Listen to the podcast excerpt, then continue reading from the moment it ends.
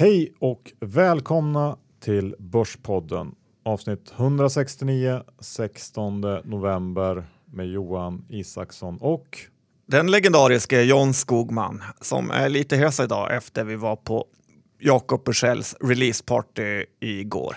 Ja, det var skoj. Tack Diro för att ni sponsrar Börspodden. Ja, ni vet ju att man handlar gratis där om man har under en miljon på sin depå. Dessutom kan man handla alla aktier i hela världen.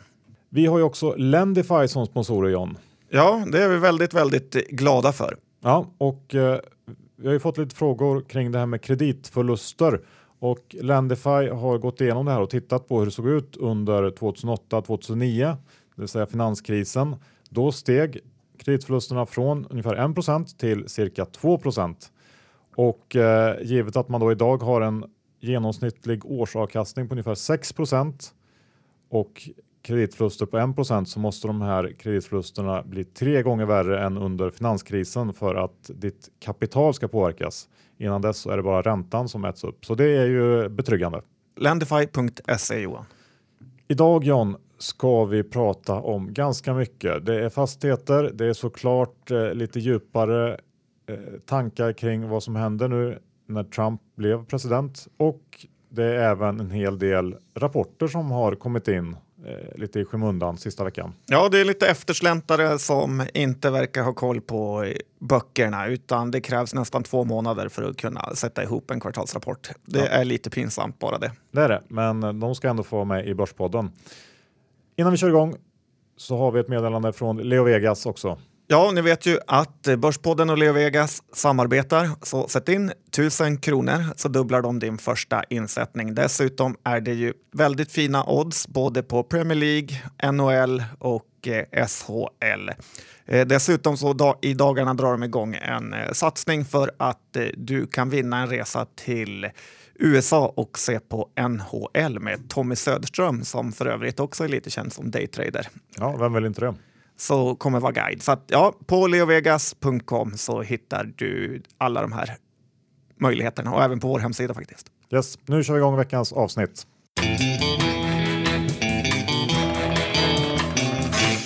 Johan Dr. Bass Isaksson. Index eh, står i 1472 och eh, det har varit en väldigt eh, stark utveckling på börserna senaste veckan faktiskt. Ja, jag tror inte att det var många som trodde att det skulle se ut så här efter en Trump-seger. Men nu gör det det. Dow Jones hade sin bästa vecka sedan 2014 förra veckan. Och samtidigt så steg också den amerikanska tioåriga räntan mer än vad den gjort på 50 år. Den största rörelsen på 50 år. Upp 21 procent på en vecka. Eh, det här har ju lite implikationer för fastighetsbolagen och det har slagit på de svenska bolagen också ganska hårt faktiskt. Du har tittat lite på det här John. Ja, det har jag gjort. Det är väldigt intressanta rörelser där. Men först är det ju så att den här fastighetsdelen sponsras av Catella som vill meddela att nu är det dags att teckna Baltic Horizon det är Baltikums AA-lägen med hyresgäster som G4S och storbankerna. Dessutom kommer utdelningen att bli mellan höga 7 till 9 procent som betalas ut kvartalsvis.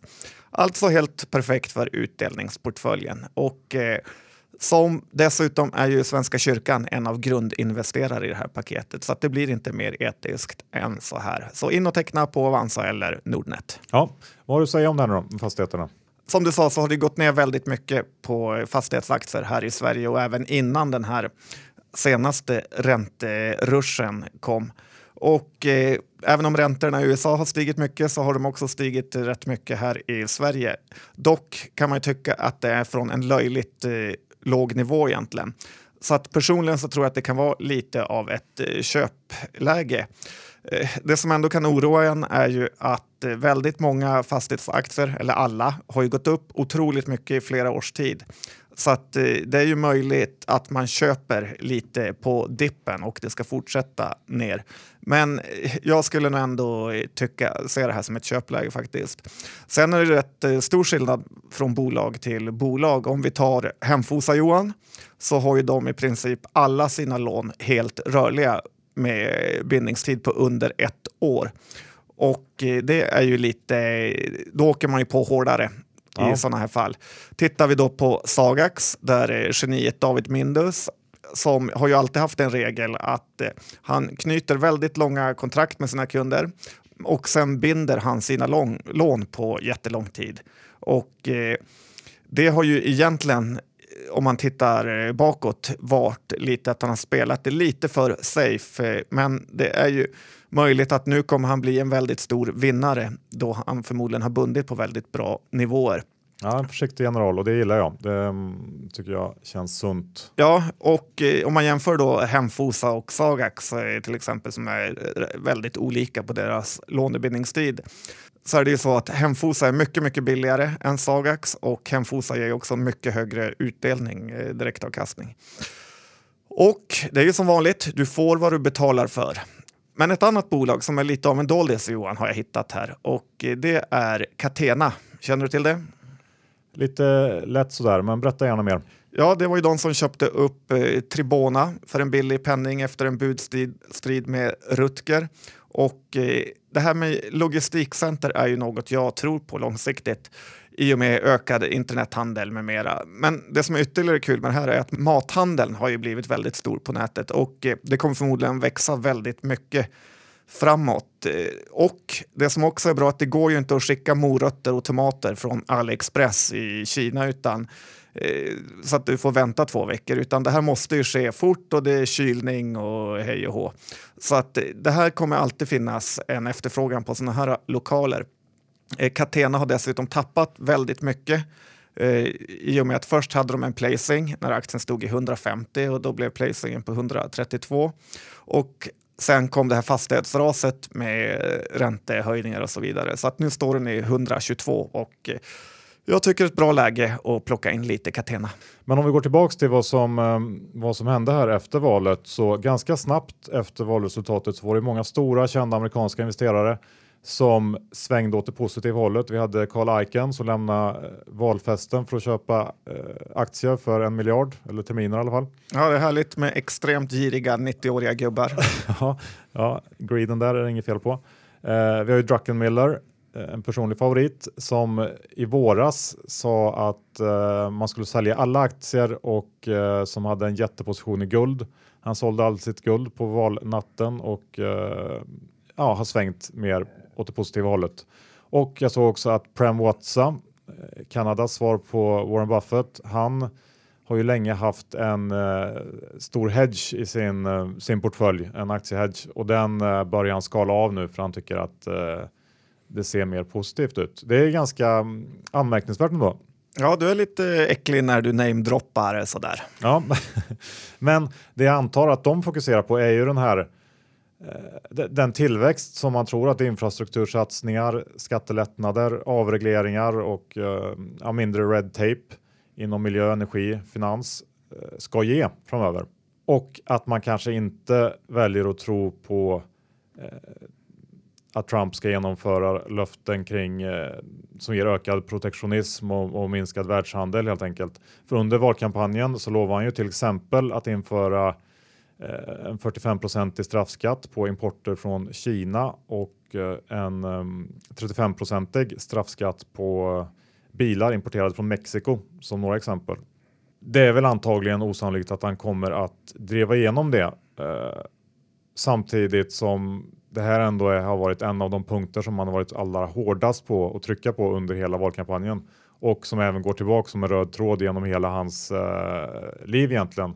Jag såg artiklar från 80-talet när han har haft samma ståndpunkt så det verkar vara någonting som ändå ligger ganska djupt rotat hos honom. Hur som helst, givet att han går vidare med stimulanser och skattesänkningar så har vi också ett läge i USA där man redan idag utan det här närmar sig eh, eller kanske har nått full sysselsättning. Så då känns det ju givet att Fed kommer bli lite mer eller tvingas bli mer aggressiva och eh, att räntan ska upp. Och eh, det här har vi ju som vi pratade om tidigare redan sett i den amerikanska tioåringen som har gått upp rejält. Och eh, den stora frågan är väl när aktiemarknaden börjar börjar oroa sig för det här.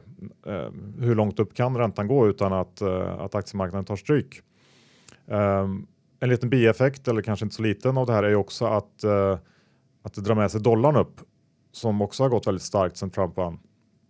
Vilket i sin tur kan bli lite av eh, ett självspelande piano. Dels för att, eh, för att det finns en, ehm, det har vi också pratat om tidigare, en strukturell kort position, dollar ifrån emerging markets där både länder och eh, bolag har tagit upp lån i dollar.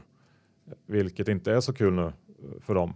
Och det gör ju i sin tur att emerging markets inte känns sådär superattraktivt på kort eller mellanlång sikt. Eh, speciellt om man kombinerar det med ett eventuellt mer protektionistiskt USA. Eh, men det får vi se vad, vad det blir av det. Men eh, givet allt det här så ser det ut som att eh, amerikanska aktier med inhemsk exponering är de som gynnas absolut mest. Samtidigt har man problemet att de, de handlas redan på ATH med eh, rekordhöga vinstmarginaler och man är 7-8 år in i, eh, i eh, the business cycle som de säger där borta. Ja, en och, annan... och man har löner och, och räntor som är på väg upp. Så det är väldigt, jag har väldigt svårt att uh, veta här vad, man ska, vad som ska väga tyngst. Ja, så är det. En annan kul Trump-effekt med aktierna är ju att allt med hög tillväxt, typ Google, Amazon, har gått eh, väldigt mycket ned medan aktier inom stål och tillverkningsindustrin har ju faktiskt gått upp. Varför är det så här Johan? Ja, dels när, när, när räntan stiger så blir det väl eh, de här tillväxtbolagen, Google eller alla FANG, FANG-aktierna som man säger, Facebook, Amazon, eh, Netflix och Google, de värderas ju extremt högt och eh, med en högre ränta så slår det hårdare helt enkelt på, på multiplarna. Ja, så är det ju. Och, eh... och, och råvaror, material, ja, det är väl sånt som krävs för infrastruktur som man nu bettar på ska hända helt enkelt. Och även sådana här som varit populärt väldigt länge, utdelningsaktier, utilities, eh, teleoperatörer och så vidare har ju också åkt på eh, ganska hårt efter det här, eh, vilket också är ett resultat av stigande räntor såklart. Ja, tack för den. Men man ska också som svensk kanske fundera lite grann över vilka bolag som som, eh, för i Sverige har ju många verkstadsbolag gått bra efter det här, men man kanske ska fundera på vilka, vilka bolag har de i USA som är på sin hemmamarknad emot sig. Vi har ju Atlas som har gått väldigt bra. De har ju eh, Ingersoll Rand till exempel som en stark kandidat och eh, det är ju inte sådär jätte otänkbart att man skulle vilja gynna amerikanska bolag i den här infrastruktursatsningen till exempel. Vi har ju Sandvik som har Canna Metal, ABB har GE eh, och så vidare. Och sen tänkte jag också på de här eh, svenskarna som till, tillverkar väldigt mycket i Mexiko. Eh, där vi har både Electrolux och Autoliv som skulle kunna tänkas få problem med det. Det är mycket att ta in det här. Ja, men eh, när eh, efterfrågan ökar så brukar ju alla dras med på det ändå. Ja, det är mycket möjligt. Vi får helt enkelt eh, vänta och se vad Trump gör för beslut och eh, vad som blir verklighet och inte. Men eh, sammanfattningsvis kanske man kan säga, i alla fall som jag ser det, så känns det som att marknaderna nu prisar in egentligen allt positivt som Trump kan tänkas innebära. Det vill säga alla åtgärder som driver tillväxt, vinster och så vidare. Men väljer kanske att avfärda de här utspel som han faktiskt gjorde under, under kampanjen som är dåliga för ekonomin och inte räkna med att de blir verklighet. Det känns lite ensidigt eh, och jag tror inte riktigt att det kommer bli bara eh, tillväxt och glädje i USA efter Trump-vinsten. Nej, inte för Hillary som ska in i finkan. nu ska hon ju för inte det, så att, eh, hon är väl nöjd. Uh, sen bara en liten passus till dig också John, för du pratade, var ju snabb med Reagan-jämförelserna. Uh, mm, tack. Uh, som sen har haglat efter, efter Trump-vinsten här under veckan som gått. Och jag tycker ändå att det finns ganska stora skillnader också. Dels om man tittar då under 80-talet när Reagan eh, hade sin, sina glansdagar så hade ju han faktiskt en demografisk medvind. Nu är det motvind. Då hade vi en amerikansk tioåring som låg på en bit över 10 procent. Nu är den på 2. Eh, man hade mycket, mycket lägre eh, statsskuld i USA, runt 30 procent kanske och nu är den över 100. Och aktiemarknaden värderas väl runt P10 eller under det mot 2025 nu. Så att det finns ju eh, helt klart en del eh, grejer som inte riktigt överensstämmer med Reagan-åren. Nej, men det är bra att du alltid kan hitta ett gäng negativa saker Johan. Men nu lämnar vi USA och Trump för den här gången och uh, pratar lite el, för där händer grejer. Ja, elpriset har ju precis som räntan gått rakt upp eh, sista tiden. Och eh, det var inte länge sedan man trodde att el egentligen skulle bli gratis. Men då händer alltid så här att det går rakt åt motsatt håll. Det är också intressant eh, hur el förut var mer lokalt, men nu är det nästan som en global handelsvara och eh, det rör sig lätt eh, över gränserna. Blir det brist i Danmark så ökar priserna i Sverige med. Och eh, de stora anledningarna till uppgången i el, förutom att det är vinter, är, vet du vad det är Johan? Ja, kärnkraftsdelen har jag koll på. Där är det problem i Frankrike. Eh, vad är det mer?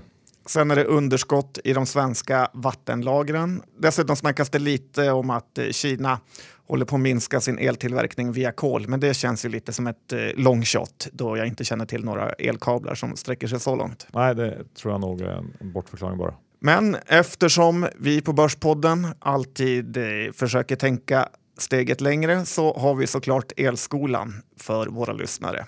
Ja, det är lätt, tack. Ja, och det är ju bind alltid elpriset. För det finurliga med att binda elpriset är ju att du binder priset och inte volymen, vilket innebär att blir det jättevarmt och elpriset går ner från nivåer du har bundit från så gör det inte så mycket, för du kommer ändå använda väldigt lite el. Men blir det tvärtom, att det blir svinkallt, då kommer du behöva använda jättemycket el och då är det kallt för alla andra och då har elpriset gått upp. Så därför är det alltid en vinnande strategi att binda elpriset. Och eh, så var det med det Johan. Tack för den elskolan John. Det ska jag använda mig av nästa gång jag eh, ska binda mitt elavtal.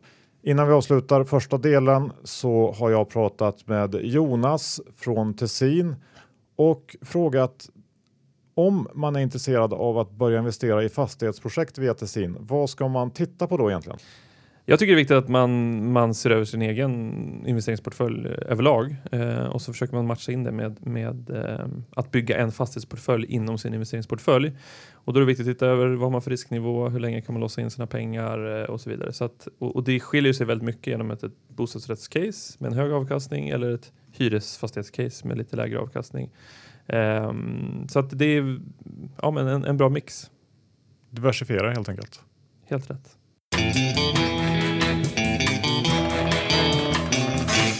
John, det har ju inte bara hänt stora saker runt om i världen utan det har hänt en hel del även på den svenska aktiemarknaden. Ja, det har det gjort och det gör det varje vecka. Det är därför Börspodden finns till för att kunna guida er igenom. Ja, Eh, vi kan börja med en stor eh, rörelse i alla fall. Stor händelse tänkte jag säga, men rörelsen var stor förra veckan. Det var Oriflame.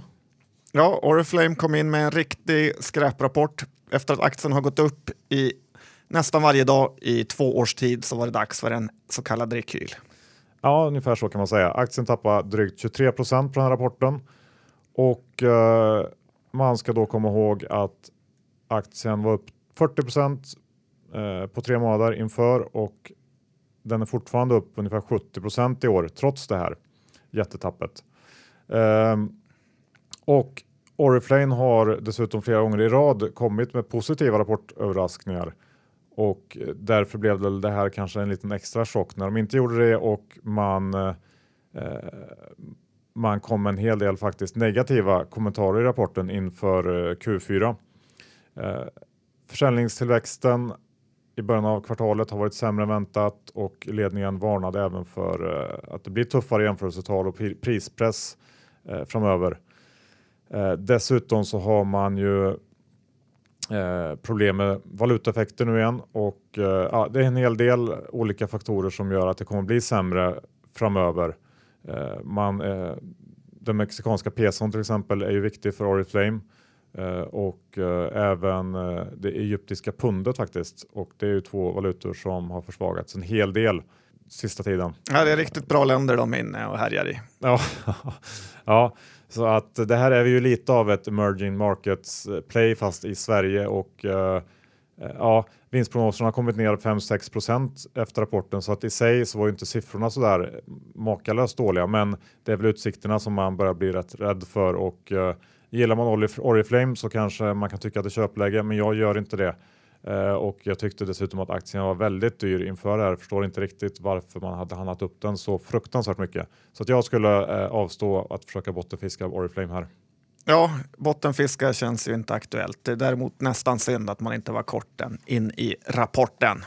Ja, Mekonom då John, de har kommit med rapport också. Ja, och det här är ett annat bolag som aldrig slutar överraska negativt. Äntligen så har de i alla fall orkat och lyckats med att dumpa Danmark. Det är i och för sig två år för sent, men bättre sent än aldrig. Mekonomen kan man nog säga är inte ett bra bolag längre. Det ena är att man har låtit en massa random miniverkstäder sätta upp en Mekonomen-skylt fast de knappt har något med Mekonomen att göra. Och det, kvalitetssäkringen är inte heller något som de verkar vara så duktiga. Både du och jag Johan har ju varit med om att man har åkt till Mekonomen, butiken, för att köpa något eh, för att man har sett att de har det på internet. Men sen visar sig lagersaldot på nätet och vad som finns på riktigt i butiken stämmer inte, vilket gör att man blir väldigt förbannad och eh, eh slutar med att handla på Mekonomen. Sen har jag hört att det inte bara är absoluta toppmanagement eh, som kommer från Coop, utan i sann Coop-anda så har de även anställt sina kompisar under sig och har gett dem otroliga löner eh, på Mekonomen. Så hela Mekonomen kryllar nu av överbetalda före detta Coop-anställda. Och eh, det blir nästan inte sämre när man tänker sig den tanken, Johan. Jag vet inte riktigt vad du har fått det därifrån eh, och om det stämmer eller inte. Men det fanns faktiskt några ljuspunkter i den här rapporten om man kikar lite. I Sverige går det faktiskt åt rätt håll nu. Eh, lite bättre lönsamhet och eh, den här danska rörelsen som man gjorde sig av med som du sa är ju eh, rejält positivt att man blir av med. Det finns inget svenskt bolag som har gjort en bra affär i Danmark någonsin. Så att eh, det gör att 2017 tycker jag faktiskt ser ut att i alla fall ha potential att bli ganska okej. Okay. Och eh, man kan köpa in eh, Mekonomen kring ev ebit 10 nu på nästa års prognos, vilket eh, är hyggligt i alla fall. Och det skulle kunna vara så att man ska ge den här aktien en chans nu. Ja, gör det. Jag ger den ingen chans. Nej, vi får se. Får återkomma. Sen kommer också vår favorit i vårdsektorn med rapport. Attendo, stabil rapport. Jaså, berätta. Ja, nej, men den var stabil helt enkelt. Det var inte så mycket att berätta om. Eh, de växte väl lite långsammare jämfört med det första halvåret, men eh, det förklaras nästan helt av att man hade rätt tuffa eller har rätt tuffa jämförelsetal nu under H2 eh, från förra året alltså. Och aktien har kommit upp lite efter rapporten, men den är fortfarande tyngd efter det här pågående eh, politiska eh, ja, Ilmar-effekten. Ja, exakt. Mannen som förstör allt han tar i. Men eh, eh, det finns inget i den här rapporten som ändrar min syn på, på Attendo som ett långsiktigt bra case. Så att, eh, eh kan man leva med den politiska oron så tycker jag att Attendo är ett toppval i den sektorn. Du och Didner. Eh, ja, så kanske det VBG har gjort eh, affär, där händer grejer. Ja, de gjorde ett väldigt dyrt köp av Ratos här i veckan. Jag trodde aktien skulle gå ner, men den gick upp. Så kan det vara. Eh, VBG har ju en väldigt bra balansräkning och faktiskt i två års tid snackat om att de är köpsugna. Så jag antar att de har hittat något eh, väldigt bra här som inte är jättelätt att se när man bara tittar på siffrorna. Så man får väl lita på bolagsledningen. Ett större VBG är ju också bättre och lite tryggare. Men snart kommer det en nyemission för de ska finansiera den här, det här köpet och då kommer det förmodligen finnas eh, billigare möjligheter att ta sig in i den här aktien. Så gillar man VBG så vänta till nyemissionen eh, sätts igång. Så är det nog. Och eh, vi kanske ska ta lite eh, klädbolag också. För H&M har ju kommit in med eh, sin försäljningsrapport för oktober månad. Vi pratade om det här förra veckan tror jag. Eh, och att det kunde vara en möjlig, eh, möjlig trade och ge sig på att det skulle bli bra siffror. Och det blev det. Inte jättebra, men tillräckligt bra för att aktien skulle komma upp. Eh, försäljningen upp 10% i oktober mot väntat 9. Eh, men man ska också komma ihåg att man hade en, en eh, negativ kalendereffekt emot sig här och dessutom en ganska svag underliggande marknad i både Tyskland och Sverige som ju är viktiga marknader för H&M. Så att eh, H&M går ändå relativt sett bra. Och jag tror att novembersiffrorna har potential att bli rätt bra de också, givet eh, vinterns tidiga ankomst här i, i Norden. Så att, um... Ja, nu när Grönlandsisen smält och Golfströmmen är slut för alltid så blir det mycket vinterkläder för H&M. Ja, det kan det nog bli. Så att här eh, finns det nog möjlighet att ligga kvar ett längre tag tror jag och hoppas att vi får lite mer på aktien. Ja, jag köper först när KJP byter jobb. Ja, så kan det vara. Björn Borg då? De kom rapport också. Ja, den var riktigt, riktigt dålig. Dessutom känner sig marknaden lite lurad av att vdn varit ute och snackade om att det såg väldigt bra ut. Och eh, det visade sig att han inte riktigt hade koll kan man väl säga. Aktien har tappat väldigt mycket och är väl lite mer fair värderad nu som man säger. Personligen så gillar jag ju inte det här riktigt för att, eh, och det är främst för att eh, de har väldigt, väldigt stor del av försäljningen i Holland, vilket jag har svårt att eh, se som en långsiktig hållbar grej. En tredjedel eller fjärdedel av försäljningen går dit och det känns riskabelt att holländarna en dag ska tröttna på det här. Ja, det berodde ju faktiskt på att de en gång i tiden hade en extremt duktig distributör i Benelux, Holland eh, området där som eh, levererar sjukt bra försäljning och jag tror att eh, under Björn Borgs glansdagar så kan nog försäljningen i det området stått för 50% kanske av totalen. Eh, men visst, det är ju inte helt optimalt kanske. Och eh, på det positiva kan man väl säga att jag var i en butik eh, här om dagen och eh, måste nog säga att Björn Borg gör fina grejer och eh, det är skor och det är alla möjliga saker. Dessutom är ju vdn tidigare vd för Peak Performance och det är ju också ett av de bästa vintermärkena som finns där. Så att ja, det finns ändå hopp även om det också finns frågetecken. Ja, hopp tror jag däremot att det inte finns för ett bolag som heter iFox eller Interfox Resources. Det här bolaget har vi varnat för flera gånger i podden och eh, aktien är handelsstoppad nu på morgonen. Ja, det var skönt att aktietorget tog mod till sig och våga stoppa efter ett gäng lögnaktiga pressmeddelanden. Även om man borde ha gjort det långt tidigare kan jag tycka. Eh, och det här måste ju vara på något sätt sista rycket och jag gissar att nästa gång den här aktien öppnar, då är det via telefonhandel på Mangold-listan med eh, massor av säljare och inte en enda köpare på plats tror jag. Tyvärr. Nej, jag såg att 3000 aktieägare har det här bolaget på Avanza och jag tycker lite synd om dem. Jag hoppas de inte har några jättestora slantar investerade för det här kommer förmodligen sluta i katastrof. Ja, ja och gör det det så hoppas jag att det får någon typ av rättsligt efterspel för så här ska man inte få hålla på på aktiemarknaden i Sverige. Nej, det är du helt rätt i. Nu lämnar vi det tråkiga och eh, går över till något annat tråkigt, Orexo. Ja, det är ju dagens katastrof, en av dem i alla fall. Och eh, det nästan värsta som kunde hända har hänt. Orexo blev överkörda i USA vad gäller deras eh, patent.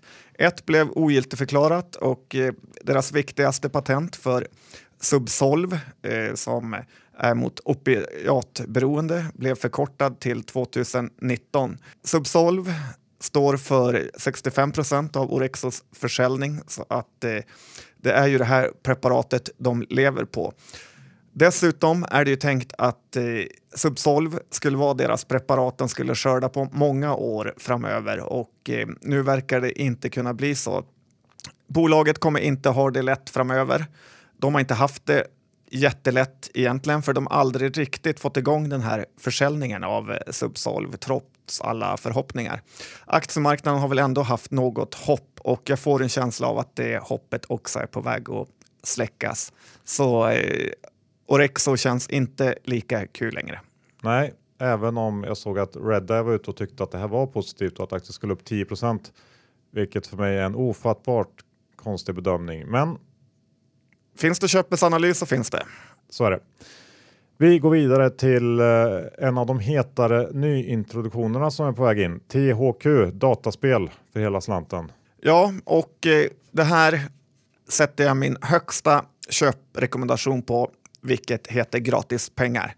Och vi har Cornerstone-investerare från Didner och Gerge och många andra fina namn.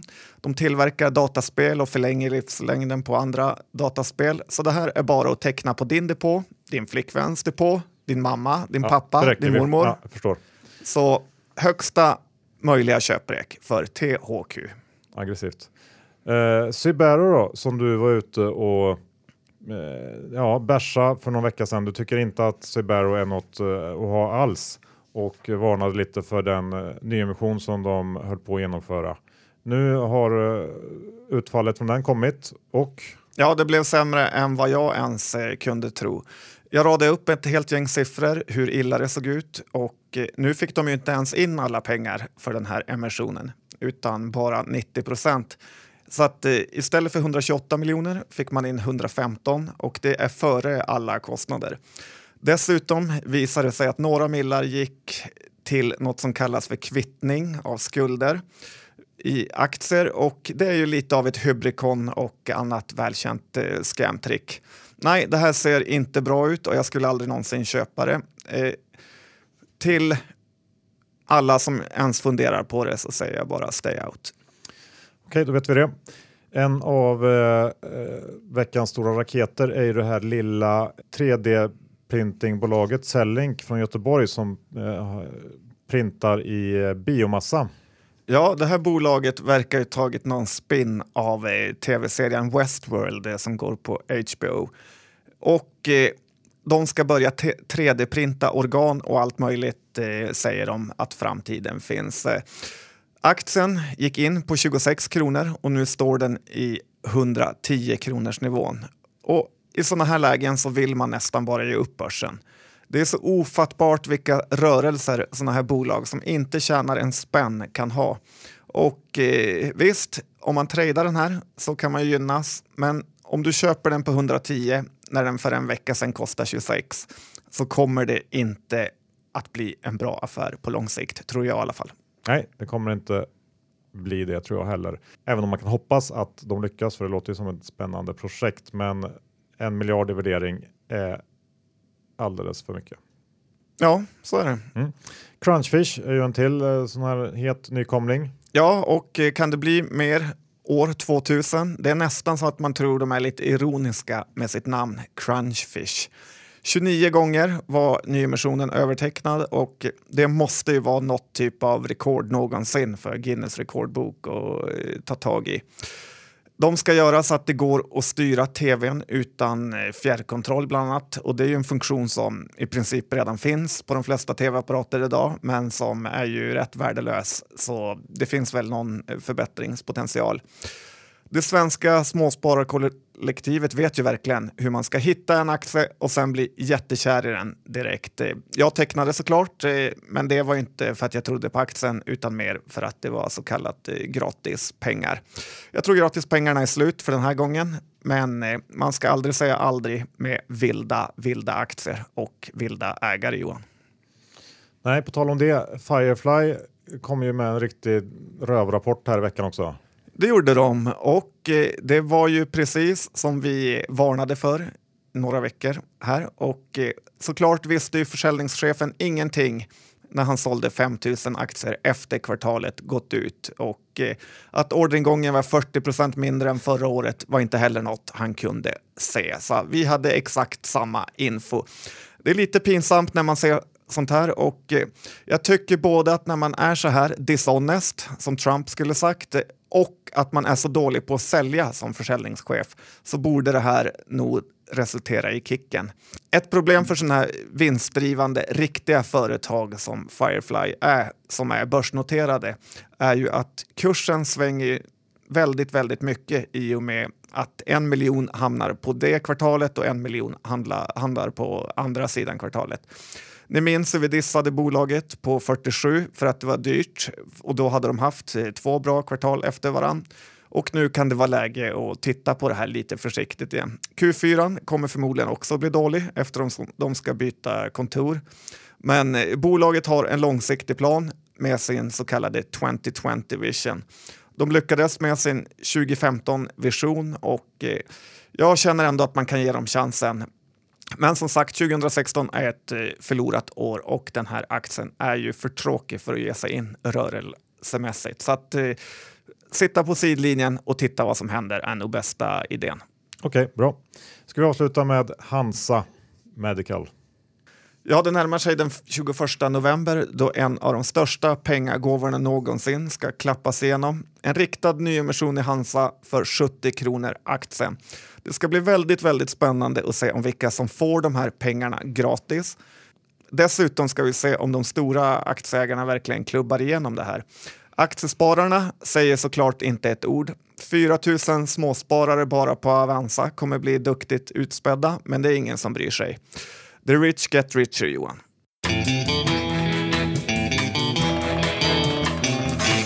Avsnitt 169 är slut. Tack Diro. Gå in på diro.se, öppna en depå och handla gratis om du har under en miljon på kontot. Kul avsnitt John! Ja, det är så en slipsten ska dras när det är rapporter i härliga bolag. Ja, och missa inte Lendify. Gå in på lendify.se och öppna ett konto och börja låna ut pengar för glatta livet. Ja, en fantastisk hemsida måste jag säga och fungerar väldigt bra. Lendify.se. Baltic Horizon Johan. Ja, det... Kvartalsvis utdelning och Svenska kyrkan i botten. Det blir inte krispigare än så. Så gå in på Avanza eller Nordnet så ser du hur man tecknar den här. Precis. Och eh, är man lite spelsugen, då är det ju Leo Vegas som gäller. Ja, du får en lusing om du sätter in en lusing så man får lite extra action. Det är riktigt roliga erbjudanden vi har till våra lyssnare. Dessutom vill man gärna åka till USA med Tompa Söderström. Ja, det finns något för alla. Och tessin.se, där kan man bli en fastighetsmagnat. Ja, en annan hemsida som fungerar alldeles ypperligt och eh, jag är ju numera ägare av en fastighet i Umeå, eller delägare kan man nog säga. Kul för dig. Ska vi bara snabbt gå igenom vilka bolag vi äger eller inte äger den här veckan. Jag äger inte något av bolagen vi har pratat om och är heller inte kort något av dem. Nej, jag äger Catena. Jag äger Firefly. Jag kommer teckna THQ på 18 depåer. Nej, inte 18, men några stycken. Och det var nog allt Johan. Härligt. Då tackar vi för att ni lyssnar på oss ännu en vecka så hörs vi nästa onsdag igen. Crunchfish!